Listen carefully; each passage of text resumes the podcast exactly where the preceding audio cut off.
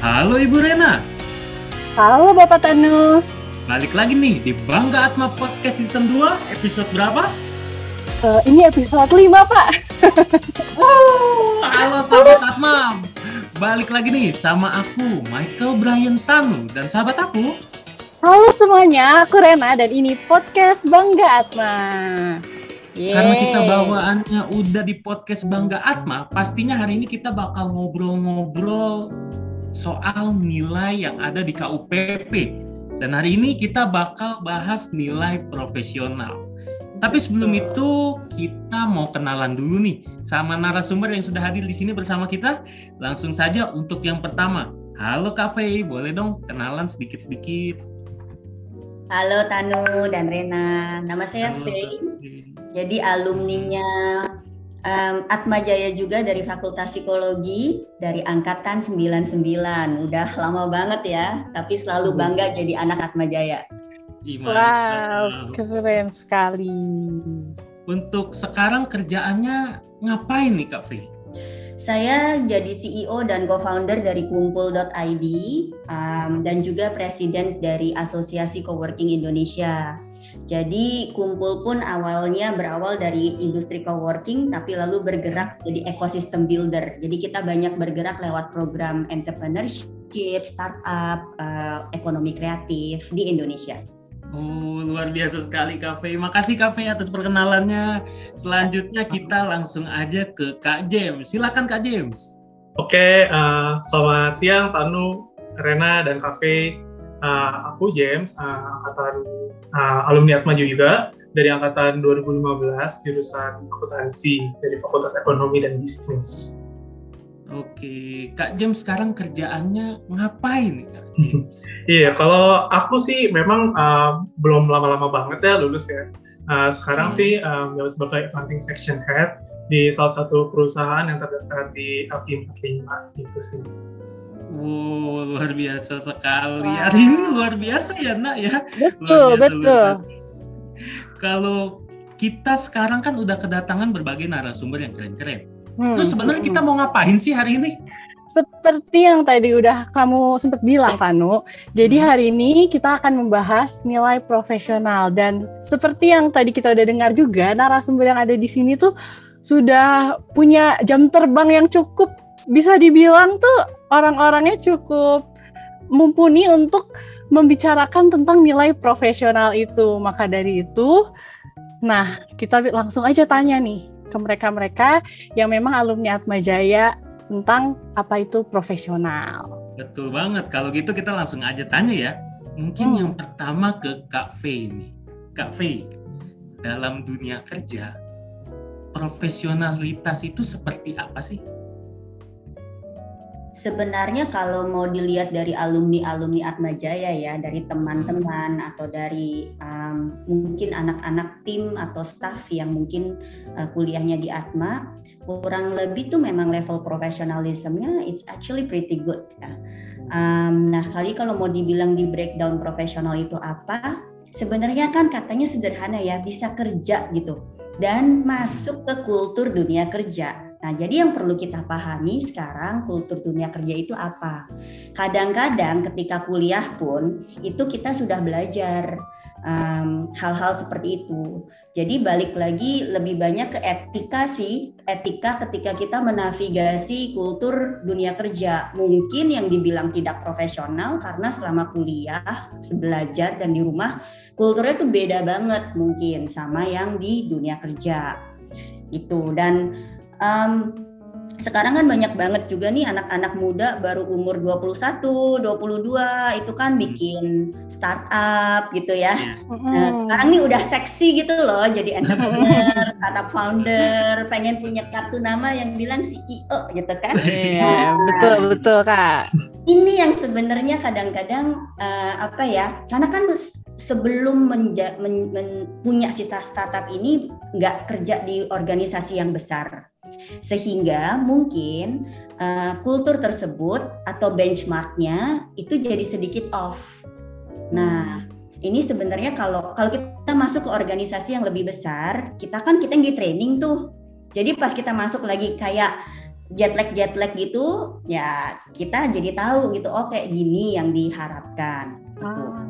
Sebenarnya sih hal-hal yang mungkin di kuliah perkuliahan di Atma Jaya itu sudah akan diterapkan. Kalau saya nggak salah ingat, mungkin saya sama James uh, beda generasi nih ya sama Rena Matanu juga gitu ya. Cuman um, sepertinya dulu ada dosen-dosen saya yang masih jadi dosen kalian juga kok. Kemarin kan kita habis ada perayaan alumni, lalu anniversary-nya Jaya segala macam kan saya juga ikut gitu ya. Ini masih kok dosen-dosennya sama. Jadi mungkin kulturnya juga masih sama. Kita kan memegang teguh kehadiran, lalu ketepatan waktu, lalu deadline, betul? Jadi ada betul, betul. yang memang harus dihormati di sana dan ada konsekuensi yang cukup fatal ketika kita ah, mau gue gitu kan. Nah, itu sebenarnya turut mendidik sih nanti di dunia profesionalisme. Mungkin James bisa mengiyakan atau mentidakkan nanti coba deh. Gimana James menurut kamu? Iya, mungkin kalau menurut aku sih tadi uh, secara garis besar sih udah dijelasin juga ya sama Kafe. Hmm. Dan aku sih setuju banget ya uh, tentang profesional itu sendiri uh, sangat bergantung nih sama uh, bagaimana profesional as uh, seorang uh, profesional dalam bekerja gitu ya. Dan salah satu mungkin yang kalau bisa aku highlight sih mungkin memang uh, salah satu juga yang kita ditekenin dulu di Atma Jaya itu juga uh, merupakan uh, tanggung jawab ya di mana uh, profesionalitas itu adalah di mana kita bertanggung jawab terhadap kita di kafe juga disebutin tentang nah dalam kuliah kita juga bagaimana kita bisa hadir tepat waktu dan uh, kita bisa menyelesaikan tugas-tugas kita sesuai dengan apa yang diberikan oleh dosen ya dari hal-hal kecil itu sih kita belajar uh, bagaimana menjadi uh, pribadi profesional gitu dari dari awal dari kuliah gitu sih.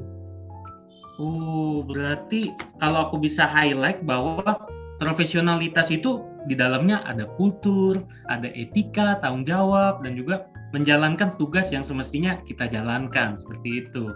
Kalau gitu, aku mau nanya lagi nih. Mungkin pertama dari Kak James nih. Kak James, emangnya sepenting itu ya profesional di dunia kerja? Emang nggak bisa kita sekadar kerja keras aja gitu? Oke, okay, ya pertanyaan yang bagus nih Tanu. Nah, kalau menurut aku sih kalau di dunia kerja memang uh, ya, profesional yang diarti di sini ya bukan hanya uh, kerja keras sih. Tentu uh, memang di semua pekerjaan yang kita lakuin uh, pasti ya butuh ya kerja keras ya.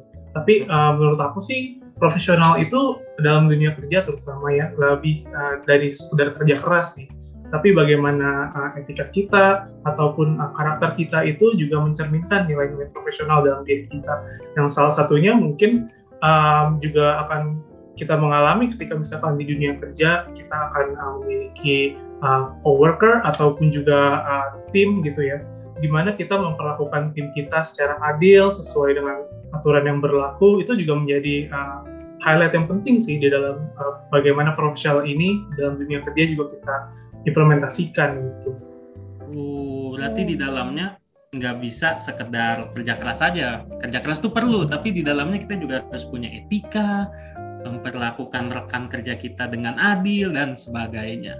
Mungkin ya, sekarang uh, mungkin kalau disimpulin luas banget ya penerapan hmm. si profesional ini. Jadi kayak semua sudut di dunia kerja tuh pasti ada unsur-unsur profesionalnya gitu ya maksudnya Kak James ya? Iya, begitu. Oke, okay, okay. mungkin sekarang kita ke kafe ini. Kafe, memangnya kerja keras saja nggak cukup ya? Kalau kita mau bicara kerja keras juga uh, ini maksudnya kita pinter juga gitu kan ya. Kita high yeah. performance maksudnya high high performer gitu di tempat kerja. Iya yeah, nah, betul. Lucu nih, kemarin saya baru aja dikirimi sama teman uh, video dari Simon Sinek dan dia bilang dia tanya ke Navy Seals. Navy Seals itu punya kaum elit, uh, kelompok elit ya. Yang bisa masuk kelompok elit ini kamu uh, seleksinya bagaimana sih? Berarti kan ini kayak yang terbaik dari yang terbaik itu kan ya. Hmm. Nah, mereka bilang mereka mengukur itu dari dua sumbu. Satu sumbu adalah seberapa high performance-nya orang ini. Jadi dia tuh secara performer gitu ya, dianya sendiri tuh high performer atau medium atau low Nah, ini adalah hal-hal yang biasanya diukur nih kalau di kuliah secara akademis, uh, eh, IQ, lalu kalau di tempat kerja KPI, target, kayak gitu ya. Jadi, yeah. nah Terus satu sumbu lagi adalah trust level. Jadi mereka juga tanya, siapa anggota tim kamu yang selalu ada untuk kamu, yang selalu reliable, selalu kalau kita tiba-tiba lagi ada sesuatu, they are ready to help. Yang kalau kamu ada sesuatu, kamu percaya, kamu bisa andelin dia.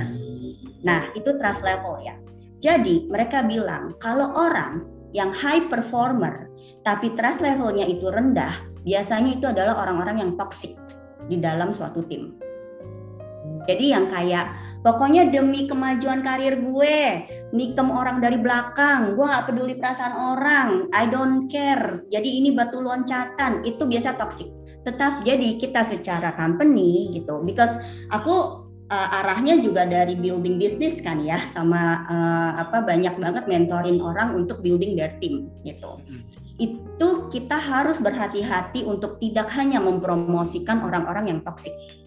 Karena kalau kita hanya mengukur dari KPI, dari performance level, yeah. dan tidak mengukur dari trust levelnya itu, kita akan mempromosikan orang yang toksik. Jadi mereka bilang, mereka lebih memilih orang yang medium performer, tapi trust levelnya tinggi. At the end, as a group, they can perform better. Nah, kalau kita bicara tentang professionalism, whether it's you yourself as a freelancer atau kerja di suatu company, kita itu masih berhubungan dengan orang, dengan client, dengan team members. Jadi aspek itu yang sangat penting. Kali kalau mau dibilang kita cuma pinter doang, kerja doang, itu kayak gimana? Ya itu biasanya enggak.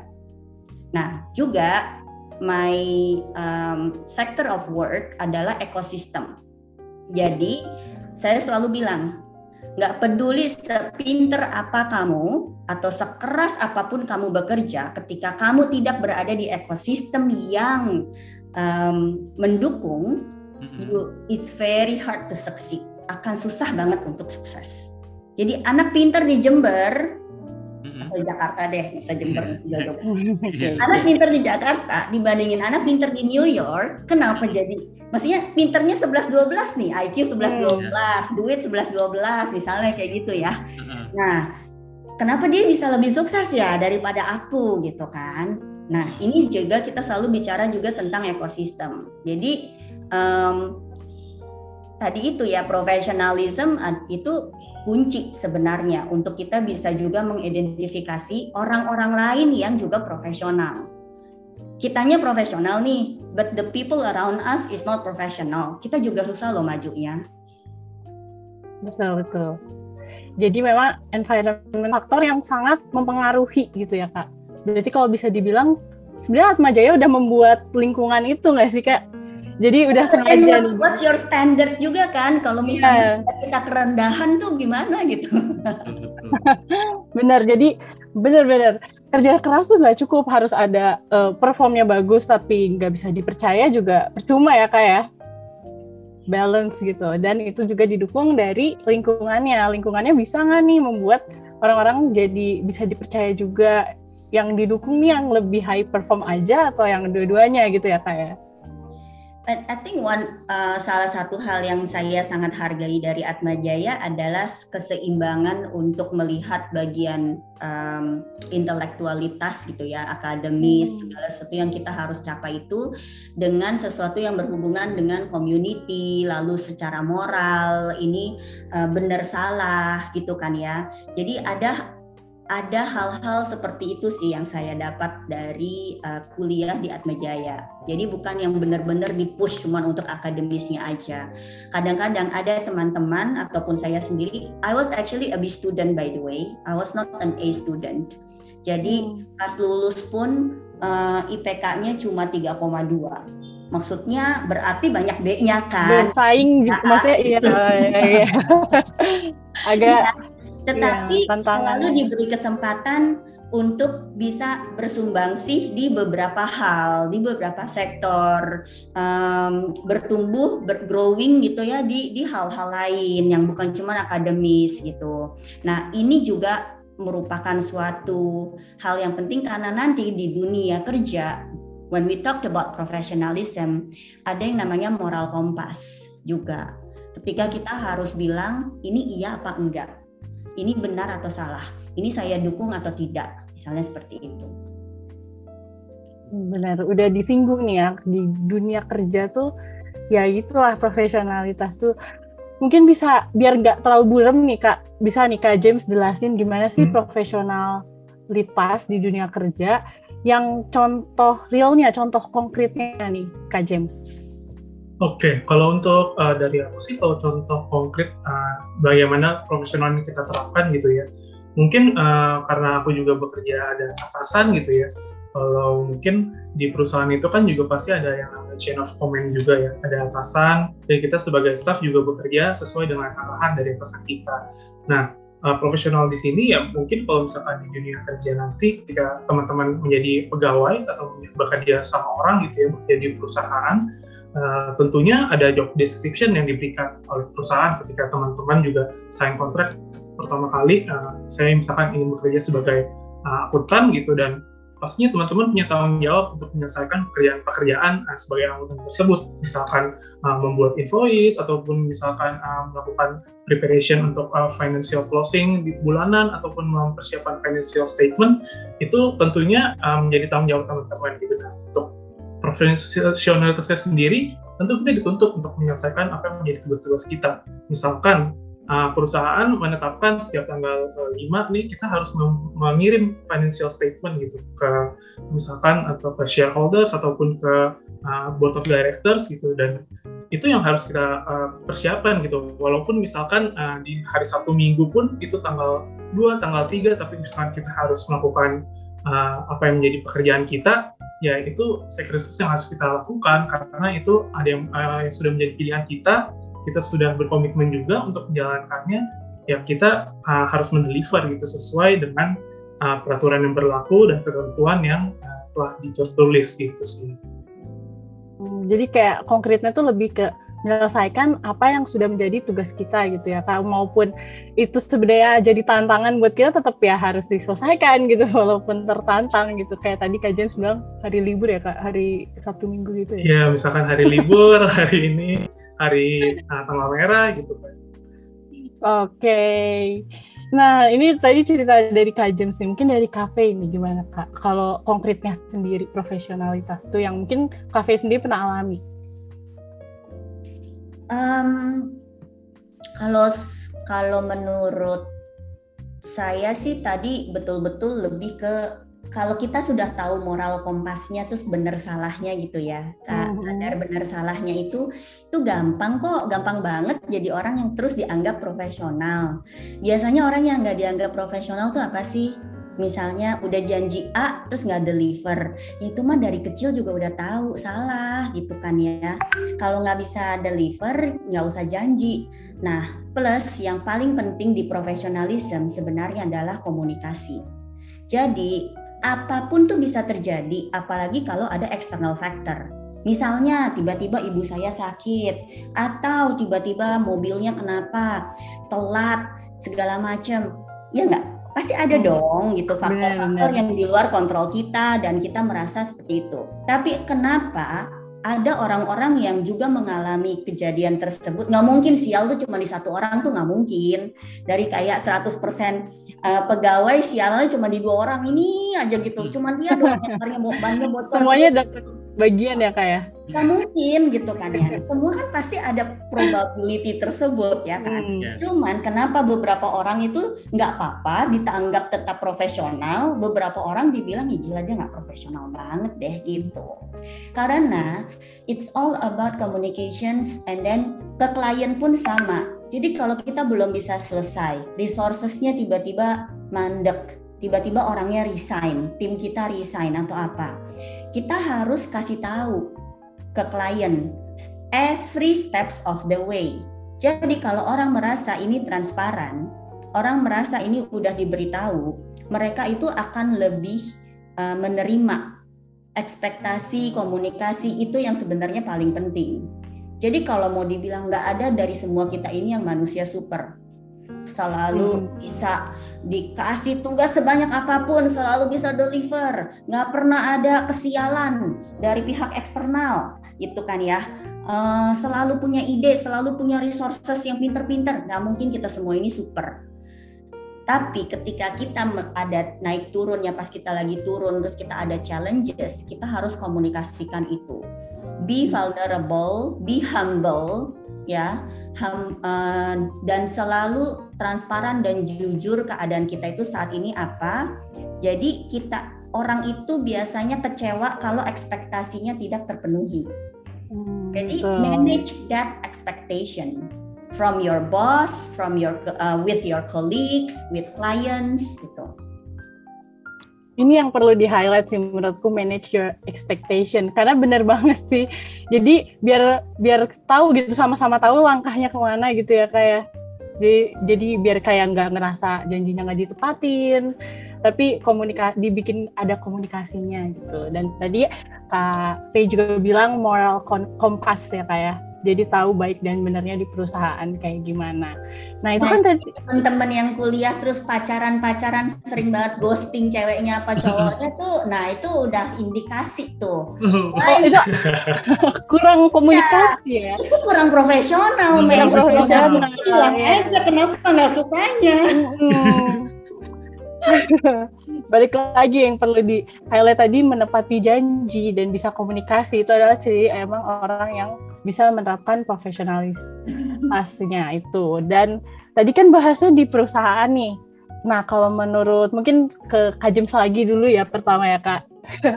Gimana nih kalau misalnya profesional di mahasiswa itu eh, kira-kira seberapa penting sih Kak menurut Kak James sendiri?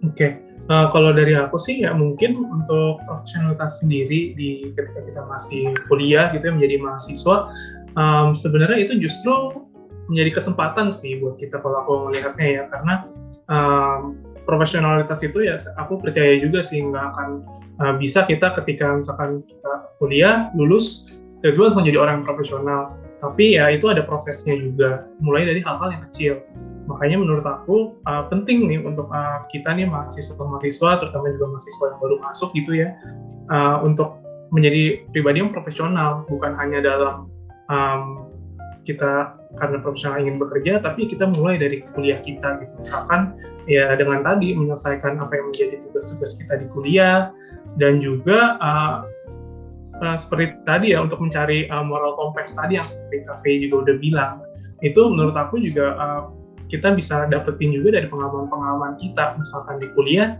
kita juga bisa ikut organisasi-organisasi.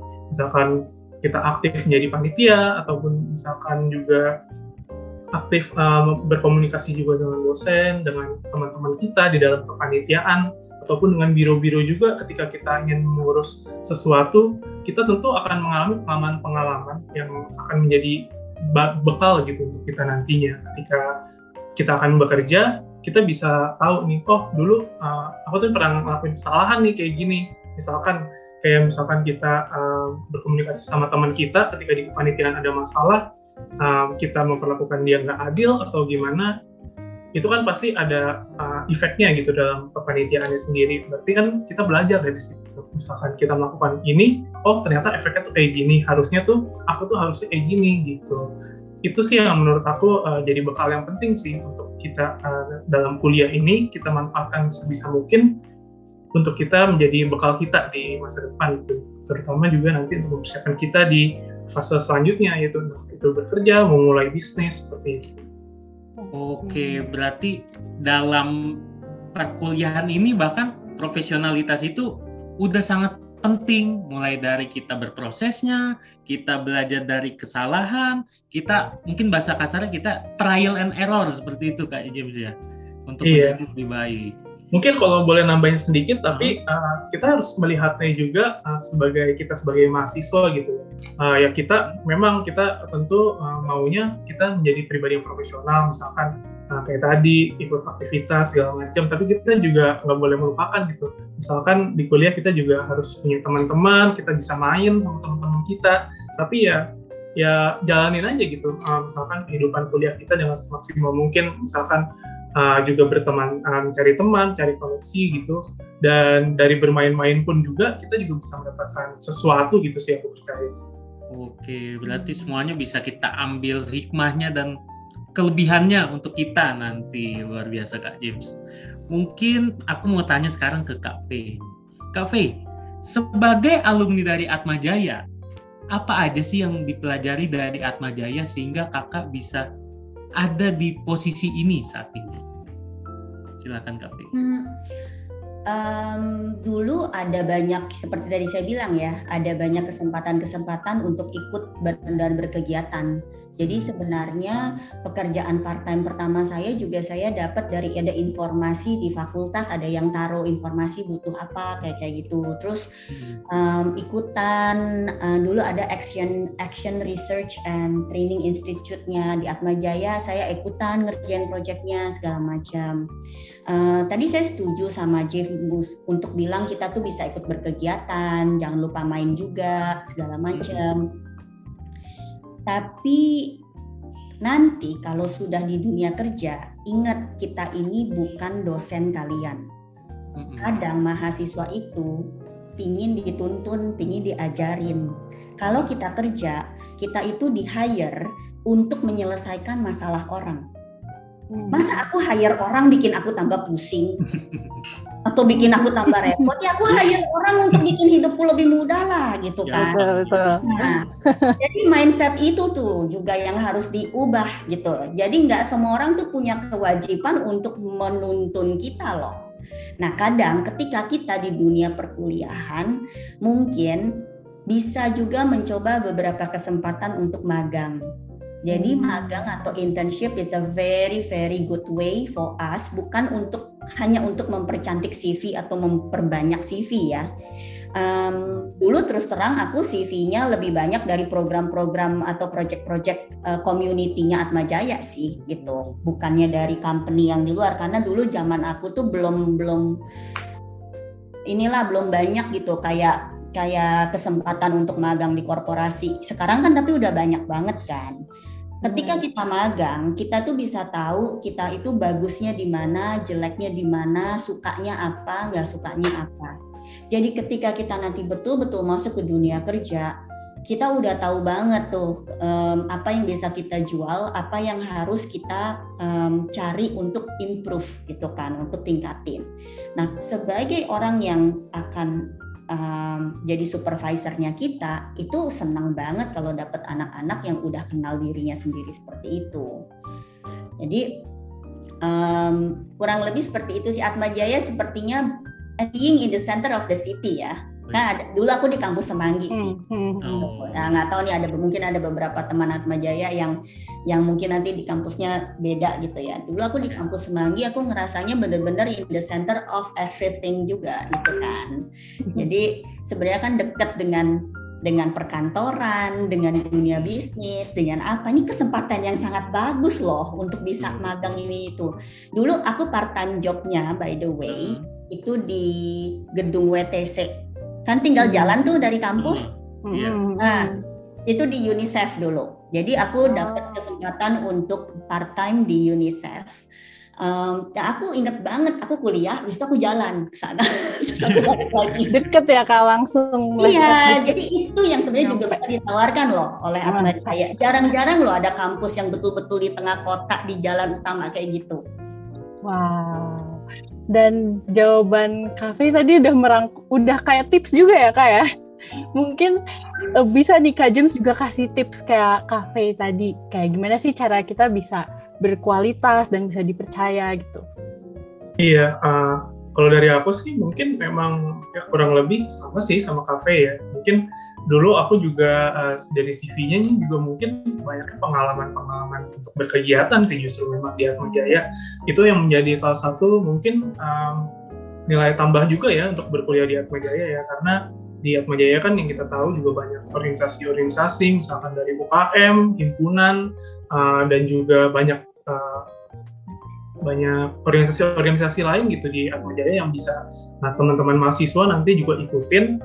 Dan ini ya uh, baik sih untuk kita belajar bagaimana untuk uh, berkomunikasi sama orang, mengenal orang, dan juga belajar bertanggung jawab juga. Misalkan kita nanti diberikan tugas atau dalam kepanitiaan seperti itu, uh, dan itu aku rasa sih juga menjadi uh, kita bisa menentukan juga sih sebagai mahasiswa komunitas apa yang ingin kita ikuti kira-kira uh, ini membangun atau enggak untuk kita ke depannya. Dan dari komunitas-komunitas ini juga dari punya teman-teman misalkan dari cross fakultas atau apa kita juga bisa mengenal lebih uh, tentang diri kita gitu. Misalkan kita punya teman uh, yang misalkan aku dari akuntansi misalkan punya teman juga dari fakultas psikologi ya kita bisa sharing-sharing ilmu itu juga indahnya sih organisasi-organisasi di Atmajaya tuh ada juga organisasi-organisasi universitas yang uh, terdiri dari beberapa fakultas gitu dan juga uh, setuju juga sama Kak tadi. Uh, tapi selain itu juga kita juga penting untuk uh, kita untuk ke depannya dengan tadi untuk uh, ambil magang uh, di perusahaan-perusahaan yang juga untuk uh, membantu kita menentukan uh, karir kita ke depannya ini kita sukanya itu seperti apa dan juga kalau aku lihat sekarang juga di Atma Jaya udah mulai banyak juga program-program yang bekerja sama dengan perusahaan maupun juga untuk program-program mungkin kesempatan untuk student exchange di luar sebenarnya uh, udah mulai banyak gitu terbuka di Jaya dan ya. itu menjadi apa ya kesempatan lah yang bagus lah buat teman-teman ya. mengembangkan dirinya sejak dini gitu nih. Betul betul betul. Betul banget kata Kak James, kata Kak Faye tadi ya untuk hmm, setuju setuju. Kita ikut aja internship boleh, kita ikut kegiatan-kegiatan di kampus yang nantinya buat kita untuk mengenal diri, bisa kenal sama orang lain seperti itu. Dan hari ini entah kenapa aku senang banget aku bisa ketemu sama narasumber-narasumber hebat, bisa sharing-sharing, bagi-bagi tips and trick, dapat insight baru juga. Kalau gitu Makasih ya Kak Faye, Kak James atas waktu dan kesempatannya di podcast Bangga Atma ini. Dengan demikian berakhirlah podcast kita pada episode ini. Jadi gimana? Udah siap berpetualang bersama kita? Pastinya makin jadi nggak sabar kok. Makanya jangan lupa untuk tunggu kita di episode berikutnya. Kalau gitu aku Rena. Aku Tanu. Podcast Bangga Atma. Ayo berpetualang bersama. Let's, Let's start, start your journey with Atma Jaya. Dadah!